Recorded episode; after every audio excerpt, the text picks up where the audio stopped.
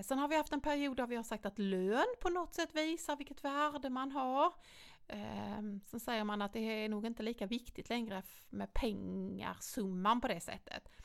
Så nu när man går till, till sådana här företag som alla vill jobba på som eh, Google och Ikea och, och de här stora Ja. koncernerna som lockar eh, människor världen över. Så säger de ett ord som man säger, de här människorna med detta, de får ett högt värde.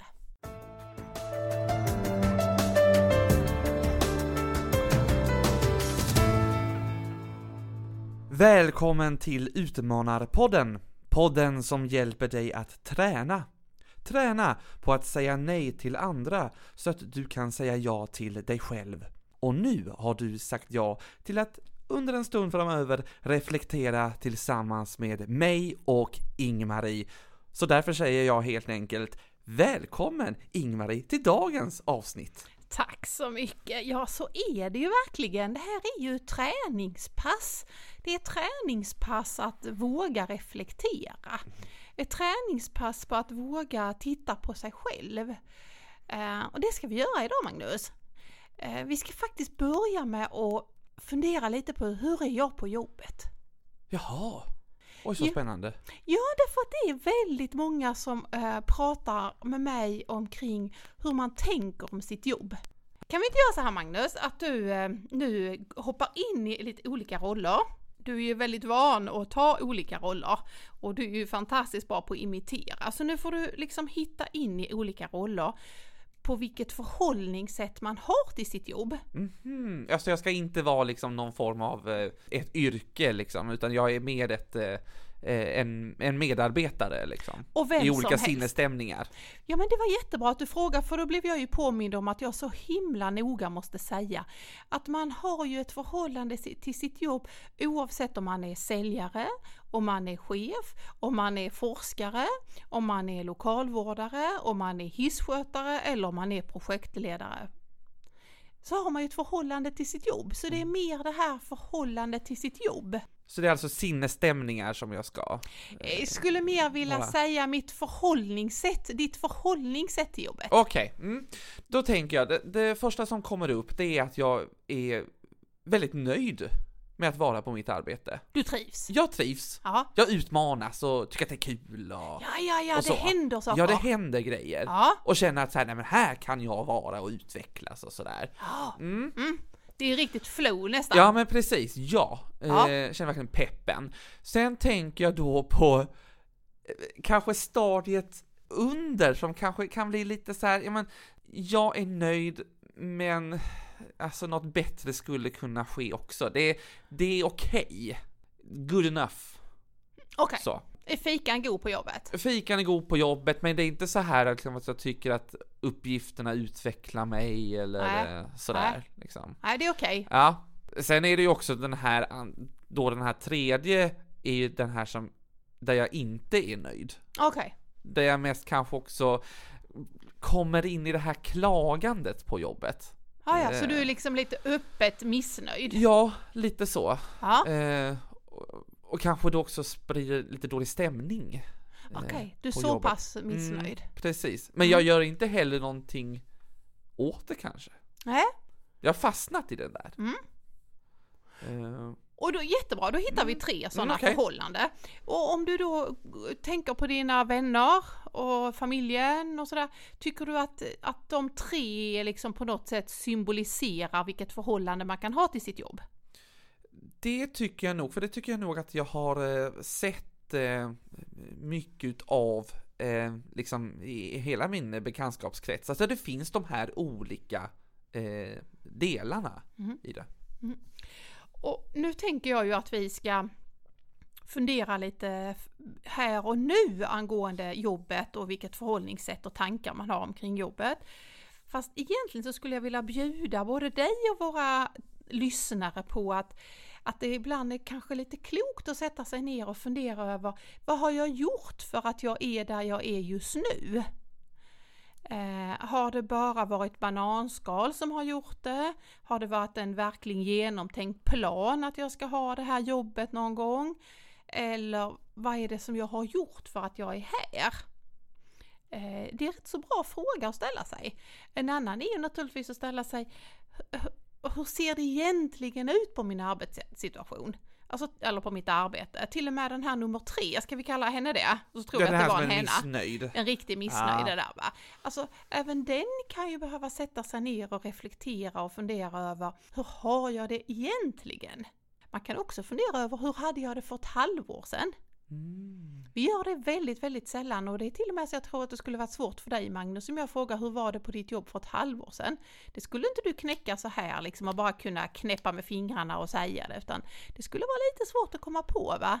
En sån här liksom första inledning jag skulle vilja säga är att vi kanske lite för för sällan, heter det så, eh, faktiskt ägnar oss åt att göra den här tillbakablicken. Varför är jag där jag är då på mitt jobb liksom? Okej, det måste ju vara någonstans varför jag hoppat på det här arbetet. Det måste ju finnas någonstans i någon glädje eller någon utmaning i det här, att man kanske kan påminnas om det och komma liksom vidare. Eh, och kanske då man väljer då att stanna kvar på sitt arbete för man tyckte så här, "Ja, men det är ju där jag hittade lusten, det var ju därför jag hoppade på det. Mm. För man, man kan säga så här, att det som är väldigt typiskt med oss människor, det är att det finns något som heter 80-20-regel. Eh, 80-20 är ofta en benämning som forskare har kommit på att oavsett vad man håller på med så kan man säga att man ägnar 80% av detta och 20% på detta. Man kan till exempel se det när det handlar om forskning och hur mycket, man då jobbar med innovationer. Det är väldigt lite i förhållande och sådär. Men nu ska jag komma till poängen. Det är så här att man har också slått fast att vi människor, vi lägger 80% av vår tid på sånt som vi inte kan påverka. Är det sant? Ja, Det är jättemycket! det är jättemycket. Jaha, okej. Har du smält Nej, det jag, nu jag, har- Magnus? jag har liksom inte, jag har hört 80-20-regeln i helt andra eh, situationer. Ja. Eh, Men jag tycker att det låter jättemycket. Men om du börjar se på det så är det faktiskt så att vi rätt ofta pratar om saker som ligger utanför oss själva. Vi har synpunkter på både det ena och det andra och vi har synpunkter på vår statsminister, vi har synpunkter på det ena och vi har synpunkter på grannens klippning av häcken och vi har synpunkter på va. Fast väldigt sällan så är det ju någonting som jag kan göra någonting åt. Det här var ju faktiskt roligt att du nämnde just den här statsministern, för när vi var på väg hit till den här poddstudion som vi är idag, så pratade vi ju faktiskt om förhållningsreglerna och rekommendationerna som vi har i Sverige kring eh, coronan. Och det är ju faktiskt ingenting som vi kan göra någonting åt. Då kan jag börja liksom förstå den här 80-20-regeln Ja, faktiskt. bra. För nu tänker jag så här. Vi har ett jobb och då säger man rent generellt att det finns fyra saker som är viktigt för oss människor att få känna när man är på jobbet. Och jag säger det igen. Det har inte att göra med vad man har för sorts jobb. Det har inte att göra med om man är nöjd eller mindre med nöjd eller vill vidare eller är en utvecklare eller nöjd med det. Så, va? Vi kommer in på det igen. Men generellt så säger man att det finns fyra saker. Så nu säger jag dem, ska vi se, och sen tänkte jag att vi kunde prata lite om dem. Det ena är autonomi. Det vill säga ordet för att man är på något sätt styr sig själv, självstyrande. Automobil hette ju våra bilar innan som är, går av sig själv. Tillhörighet, kompetens och bekräftelse. Så kan vi ta de här nu och bena lite i dem. Så är det så att det är en väldigt stor och viktig känsla inom oss att vi känner att vi kan påverka och styra både det som är min dag, det som är mitt arbete och det som är mitt liv. Det är därför man mer och mer har lämnat till exempel sådana här fasta klockslag exakt när du ska vara på jobbet. De här som har flexmöjligheter om man jobbar på ett, eh, på ett kontor har varit en sån där grej som man verkligen har uppskattat. Ehm, det är väldigt få som tänker på det i det vanliga, för det har blivit en generell grej. Men det var faktiskt ett stort steg när man började se att man ville bjuda på det här att människor själv kan bestämma, ska man jobba sju till fyra eller ska jag komma nio en dag och halv åtta en dag och sådär liksom. Det går ju in i den här påsen som handlar om att man vill och kan och önskar styra själv. Och det känner jag verkligen igen mig i. När, när jag får i mitt arbete, i min roll som kommunikatör, så får jag ju styra min egen dag och mitt eget Mm. arbete. Och då får jag ju också sam en, en styrka i det. Jag utvecklas ju samtidigt och jag känner så här, jag har ett mandat att få bestämma Mm. eh, själv. Och det tycker jag man hör, inte minst nu, att de som har ett mer självständigt arbete eller ett arbete där man har flex och sådär att nej men vi kanske inte ska liksom gå tillbaka till det där utan i den här globala världen vi lever i där vi har liksom vi behöver en internetuppkoppling eh, sen kan vi liksom börja jobba. Och att vi faktiskt kan komma bort ifrån det här 9 jobbet och lägga upp vår dag, vilja jobba liksom kvällen när är jag som mest produktiv egentligen? Och det är väl där någonstans mm. som det gäller. Så ska vi vara medvetna om att de här möjligheterna är väldigt olika beroende på vad du har för jobb. Därför att det finns ju en hel del jobb där du är beroende av att jag gör min del för att nästa ska göra sin del och då måste vi till och med kanske vara på samma fabrik, vi måste kanske stå i samma produktion eller vi måste kanske stå i samma kök så att vi gör olika delar. Men trots det så finns det någon, en längtan hos oss att på något sätt känna att jag kan styra. Men när du var inne på det så kom du osökt in på nummer två som handlar om det här med tillhörigheten. Det har ju varit det som är bland annat en utmaning i det här eh, annorlunda tidevarvet. Vårt stora behov av att tillhöra en grupp. Det är väl därför vi fortsätter ha möten fast vi har dem digitalt. Bara liksom så här prata, ventilera, vi sitter i samma båt, vi har samma, kanske samma uppgift eller samma problem vi måste lösa, så gör vi det tillsammans. Alltså det här är en jättedrivkraft hos oss människor, vi är flockdjur. Eh, låt oss liksom på något sätt slå fast att så är det, det är tillsammans med andra som vi växer och utvecklas och finns till finns ju hur mycket forskning som helst på som säger att om du inte tillhör en grupp så lägger du, om du till och med ligger utanför den, så lägger du hur mycket tid som helst på att försöka komma in i gruppen. Det eh, var ju ofta ett problem som man gjorde i svensk skola under vissa årtal där det var så att om man inte eh, följde det som var normen eller om man hade kommit överens om så blev man utskickad ifrån klassrummet. Och vad gjorde de som var där? Ja, de sprang ju bara och ställde till det för att de skulle bli insläppta igen. Knackade på dörren, knackade på fönster, du känner säkert igen det. Mm. Hur mycket energi lägger man som helst för att tillhöra gruppen? Nu var det bara ett spår där med svensk skola, men på något sätt så tror jag det ändå symboliserar, vi vill så himla gärna tillhöra en grupp. Och det är det som blir nästan det viktiga när du kommer in på ett nytt jobb till exempel. Du vill komma in bland medarbetarna, du vill vara en del av teamet. Och sen den tredje handlar ju om att man vill bli använd. Det vill säga att den kompetensen som jag har, den måste man kunna få lov att använda. Eh, man måste kunna få tillföra något, man måste känna det här är jag bra på och det här kan ja. jag få bidra med. Det, att behovet finns av mig. Ja. Helt enkelt. Av just mig. Ja, det var jättebra summering. Det var så himla bra, så nu kan vi gå vidare. Eh, ja, men då, och då kommer vi till det sista, det är det här med bekräftelse. Att få någon sorts återkoppling på att du bidrar. En återkoppling, ja men du är viktig. Och, och du behövs här. Mm. Då är det bara viktigt att se att att man inte springer vilse där, för det är lätt att tänka att, att man vill ha en återkoppling liksom av någon annan som säger det. Men i bästa av världar så har man ju tränat upp det återkopplingstänket så att det finns hos mig själv. Så att om det är jag som sköter kafeterian så är det ju egentligen en bekräftelse på att se att den dagen jag inte är på jobbet så är inte köket eh, lika fräscht längre. Och då är det ju ett bevis på att jag behövs här. Mm. Så den här inre bekräftelsen är ju minst lika viktig som den här yttre, att det är någon annan som säger det. Vad fint här är i köket idag, eller vad bra den här föreläsningen blev, eller vad man nu har för jobb att göra. Mm. Bra tankar verkligen. Bra att få det nerspaltat. Ja. Och det är ju så här saker som man tänker på kanske lite omedvetet ibland. Mm. Jag tänker på den här Eh, det som vi sa nyss, den här inre bekräftelsen, att verkligen jobba med den. För det är så lätt att man väntar på att få en, att du till exempel ska säga men vad bra du gjorde det här Magnus. Istället för att själv känna så här, nej men det här gjorde jag bra. Eh, och det finns ju, vi kanske till och med ska prata om detta i något annat avsnitt, för det här är ju jättemycket som handlar om att det finns forskare som säger att när du lyckas med någonting, det är egentligen inte då någon annan behöver säga, ge någon återkoppling på det, för den har du ju dig själv. Om du tänker dig att vi spelar eh, fotboll och jag gör målet, då är det så uppenbart och publiken applåderar och det står om mig i tidningen imorgon. Oavsett om jag spelar i division 7 så brukar det stå vem som har gjort målet. Så där kom ju det. Ja. utan det är ju någon annan gång som man behöver den återkopplingen.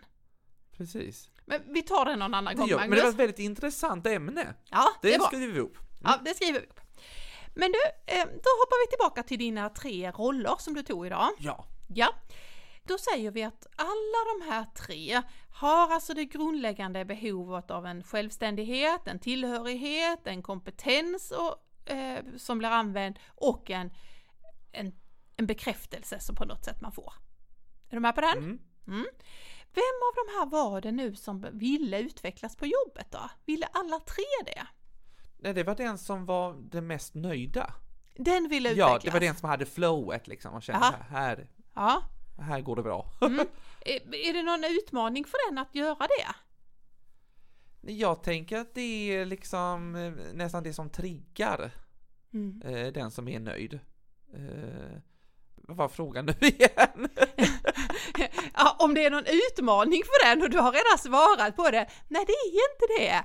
Alltså det är ju så här va, nu skrattar du ja, men fortfarande. jag eh, tänkte bort i mina tankar. Här är en liten utmaning och det var därför jag lät dig ta tre roller.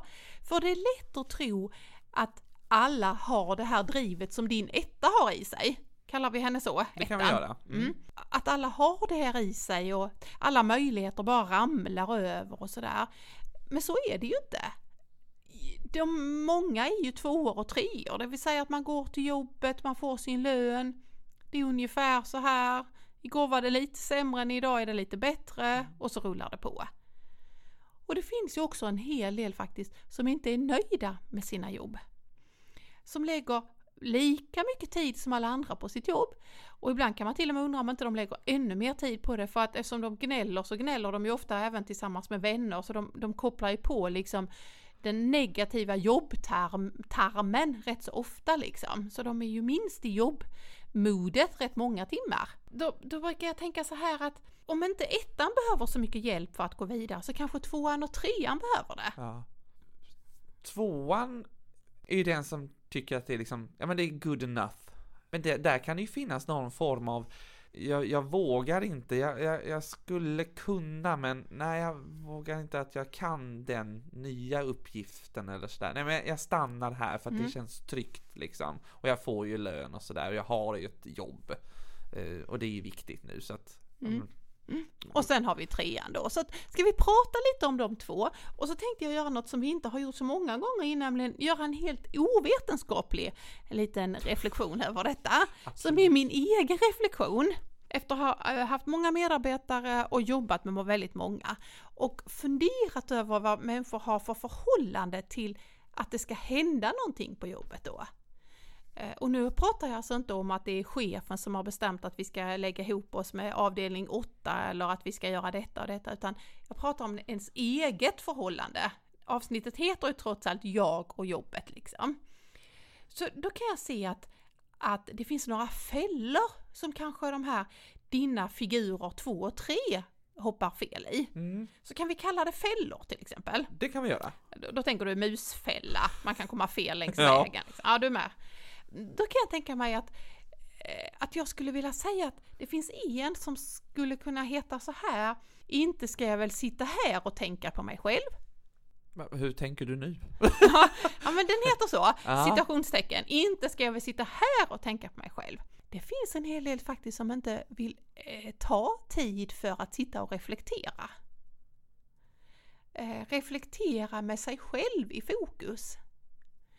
Eh, oavsett vilken ålder, men kanske lite mer de som är lite äldre, är inte vana vid att sätta sig själv i fokus, sitta och tänka på sig själv, låta livet snurra runt sig själv och så vidare. Är du med på vad jag menar jag, nu? känner, jag känner igen eh, typen om jag säger Mm. så.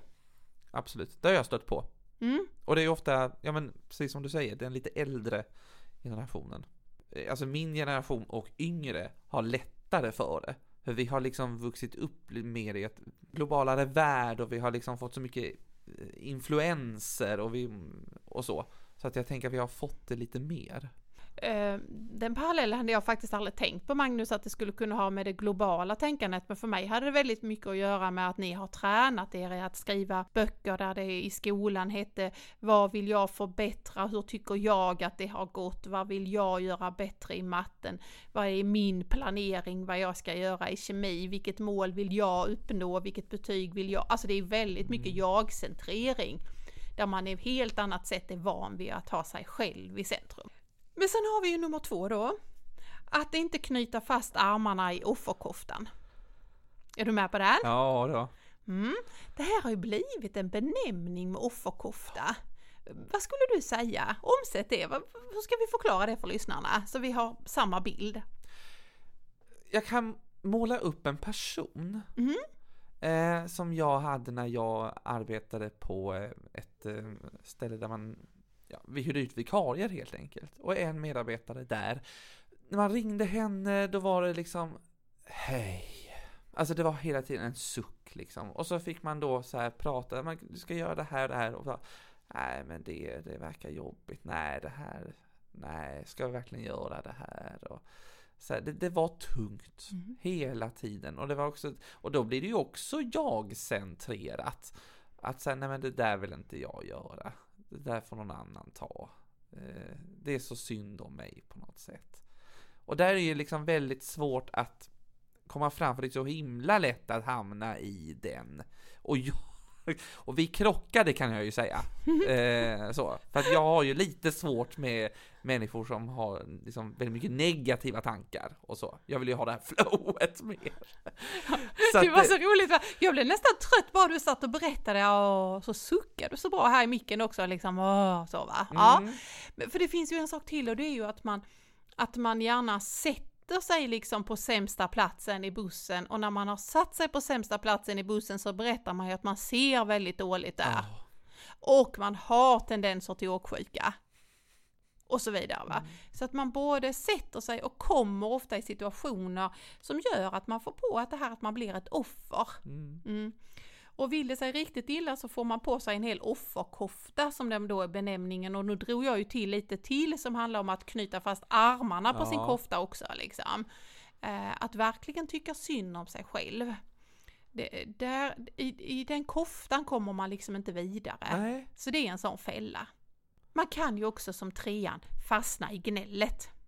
Eh, det här är också svårt, men det kan ju vara så här att man fastnar i att man eh, tycker inte chefen är bra och man tycker inte att de på andra våningen diskar sina muggar och man tycker inte man får de bästa förutsättningarna för att forska och sådär. Eh, och det kan påminna om offerkofta men det behöver inte vara det utan det kan också vara bara att när man tänker jobb så tänker man negativa tankar. Och det kan man ju också fastna i. Mm. Eh, Så det skulle jag vilja ha som en någon sorts en fälla längs vägen att man kan fastna i gnället. Ja. Lastkajen brukar jag och mina kompisar säga. Jaha, Ja men då är det så här, då är det två stycken medarbetare som står med varsin kaffekopp och så röker man och så gnäller man om, om sitt eh, jobb helt enkelt. ja de står på Mm. De lastkajen står på lastkajen. Ja, ja, den tar vi med oss. Det är en bra bild liksom Ja. i det här. Sen har vi någon annan som jag skulle vilja och det är de här som vill men inte vågar. Är det lite den här, ja då är det ju tvåan där, lite. Det är din tvåa Mm. idag ja. Och där man kanske kan fastna både i den och på de andra där man kan tro att andra har fått bättre förutsättningar. Men det kanske är så här att det man behöver träna är på modmuskeln. Alltså den muskel som faktiskt man måste träna för att man ska våga. Mm.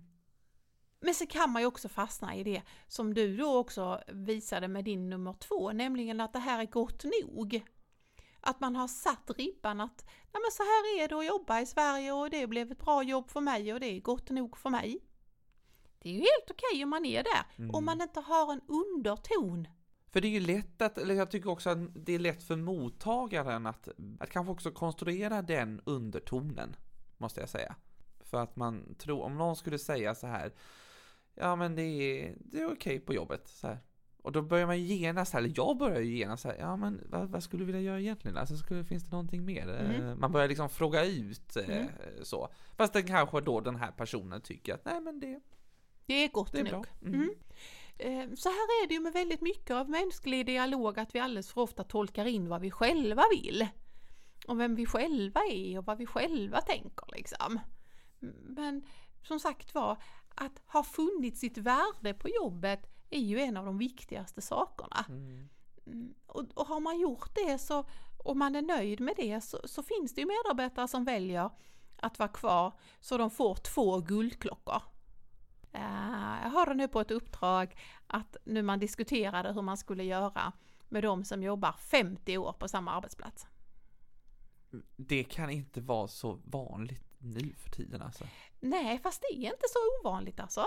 Alltså i och med att man eh, nu höjer pensionsåldern så finns det möjlighet att jobba till man är 67, 68. Eh, många har börjat på sina jobb när de var 17, 18 och sen har man gjort en egen karriär inom samma företag. Mm. Visst är det häftigt? Ja det är det ju. Då har man ju verkligen fått se någonting längs vägen. Ja. Det, är, ju det är ju coolt att se utvecklingen inom det företaget och även hos sig själv.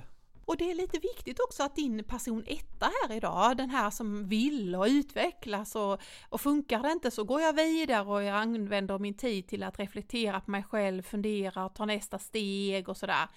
Eh, och sen har vi de här som väljer att nej men jag är här nu i 50 år.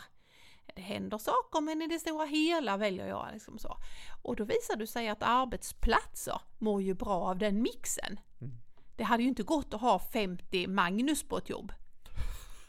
Det hade nog ingen orkat med Nej, tänker jag. Precis! Men det hade ju inte heller gått att ha 50 stycken som har tänkt att jobba 50 år på samma jobb. Nej. Nej, så att därför så är det viktigt att man ser liksom att det, den här mixen är faktiskt något som är bra.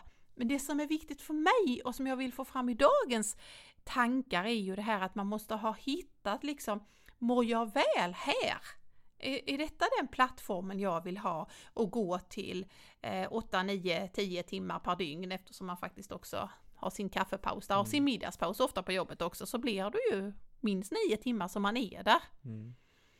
Eh, och, och då handlar det ju om det här med att, att, att man måste ha hittat sitt värde.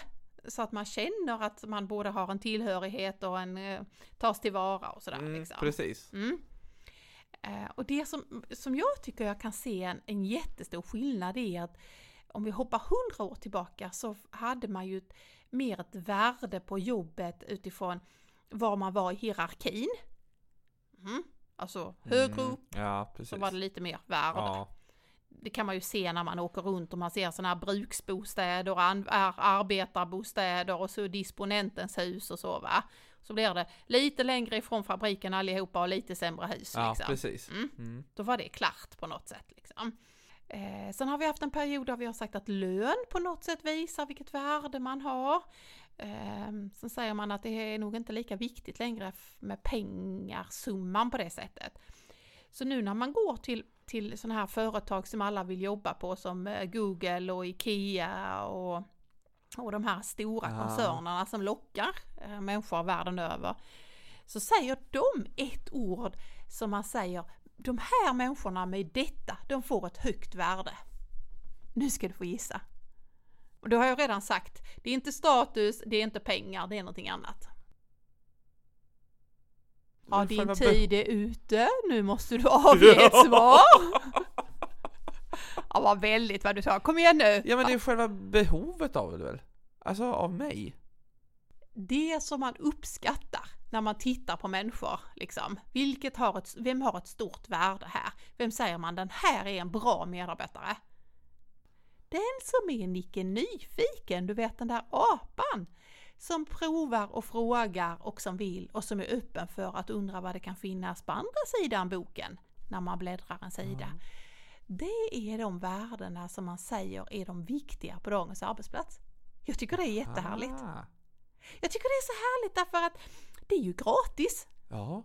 Alltså det är ju gratis. Nu handlar det liksom inte om eh, jag och jobbet, jag kom in sist, jag kom in först, eh, jag har varit här länge, eh, jag har mycket att komma med, jag har en lång akademisk utbildning, jag har ingen utbildning och så vidare. Nej, det man säger är att den som räknas som smart och har ett högt värde, det är den som är nyfiken. Mm. Och det är ju inte så konstigt att man tänker så, för ofta är ju den som är nyfiken, vill ju lära sig. Ja, nu blev ju jag jätteglad. Där fick du ett stjärna på den Magnus. Men så här, jag, jag, jag såg någonting på eh, LinkedIn för någon eh, dag sedan. Eh, om eh, det var någonting i, i det här ämnet som vi har nu. Att eh, ja, men, så länge du är nyfiken så, så lär du dig liksom och så hoppar du på nya grejer och sådär. Och, och det är nog ofta så här som jag tänker okej, jag kan inte det här. Nej men hur svårt kan det vara? Jag lär mig väl. Mm. Och sen så då kan jag jobba med det här. Ja. Eh, det, för det första är det ju jätteroligt. Eh, och, och vi ska också komma ihåg att, att det här att hur mycket man vill lära sig är ju också individuellt. Din person 1, 2 och 3 eh, har ju olika driv och hur mycket. Men på något sätt är det ju väldigt tydligt en, en nyfikenhet och en öppenhet för att lära sig. Det är nog faktiskt det som förväntas för att du ska kunna må bra och hitta en roll där du vill vara på, ditt, på du och ditt jobb idag. Och, och det här med lärandet, det har vi ju pratat om hundra gånger i, i Utmanarpodden, att hur viktigt och hur centralt det är att, att man hela tiden tänker, vad har jag lärt mig, vad behöver jag lära mig, eh, vad har jag lärt mig sen innan som jag faktiskt måste sluta och tro på, lära av har man börjat att prata om nu. Mm. Eh, därför att det är så annorlunda och så stor föränderlighet så att det man innan trodde det, nej, så är det inte längre. Det här är också väldigt bra för arbetsplatser. Jag tänker även när man pratar om, jag kan tycka att det kanske låter lite negativt, men det här att man ska liksom forma en människa eh, när han kommer som ny och man ska in i kulturen och allt det där. Och är en person är nyfiken, då får du ju en, och, och kan fånga in den personen då. Då har du ju ofta den personen att, att kunna forma och, och kunna vara en ambassadör för eh, arbetsplatsen och sådär. Mm. Jätteviktigt eftersom Mm. du går då till dina vänner och berättar att det här är en jättebra arbetsplats. Försök Mm. och sök där. Mm, exakt. Kan vi inte bara göra ett litet mellanspel här och samtidigt passar det exakt in i det vi pratar om. Det är ju så här att vi har ju blivit med en poddstudio.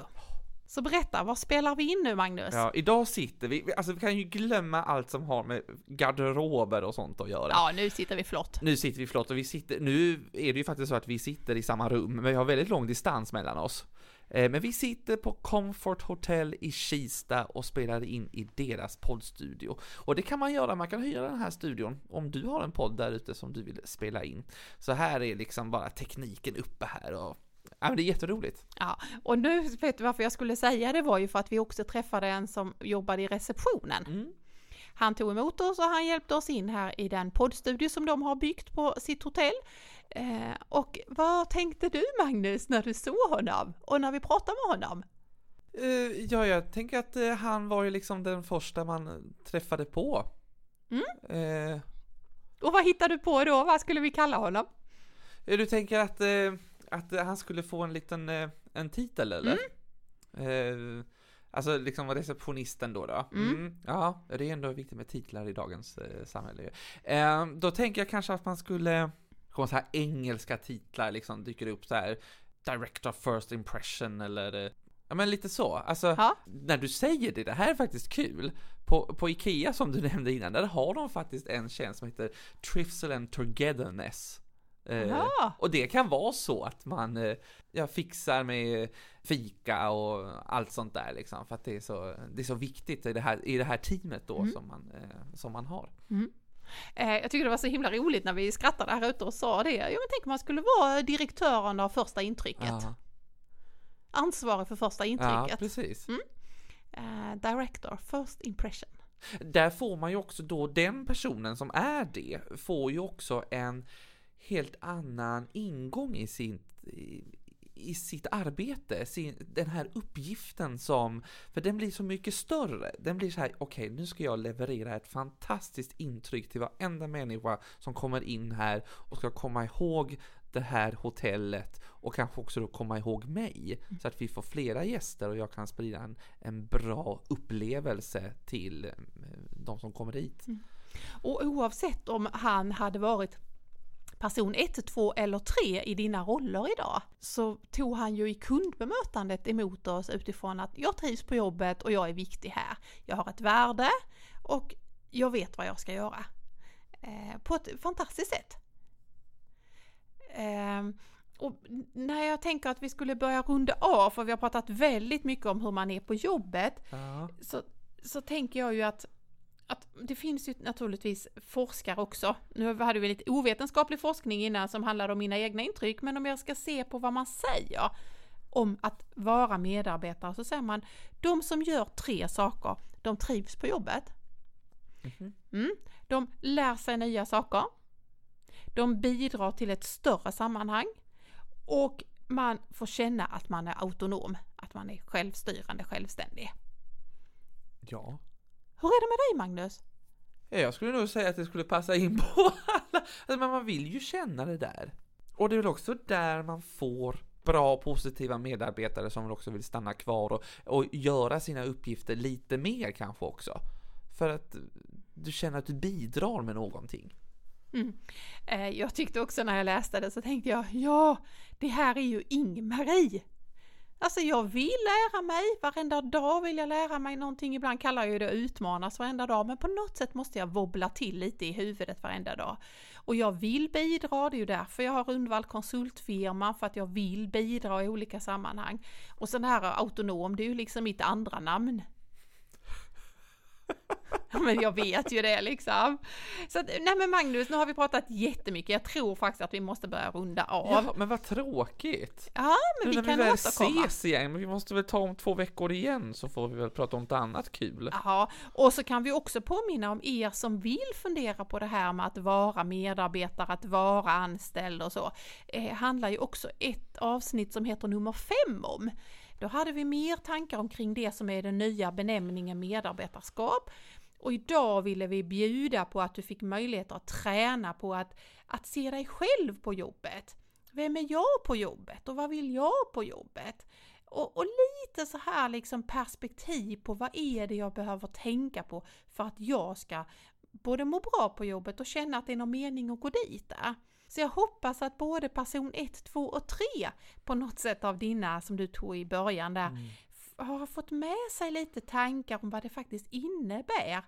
Och gärna eh, fundera på den tillbakablicken. Jag är på jobbet, vad har jag gjort för att komma hit? Och har jag någon tanke om framåt, vad behöver jag då göra? Och så lägg krut på de där 20 procenten, de som du kan påverka. Ah, Shit. Det här gäller att tänka till på alltså. Mm. Det måste jag säga.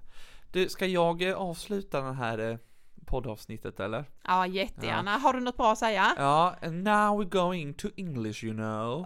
Vi Ja. till- vi ska prata, prata engelska här! ah, För det här är ett eh, citat ifrån Verna Myers som är på Netflix. Jaha, Mm. Netflix, den här streamtjänsten. Eh, Exakt. Mm. Då säger hon så här. Diversity is being invited to the party. Inclusion is being asked to dance. belonging is dancing like no one is watching.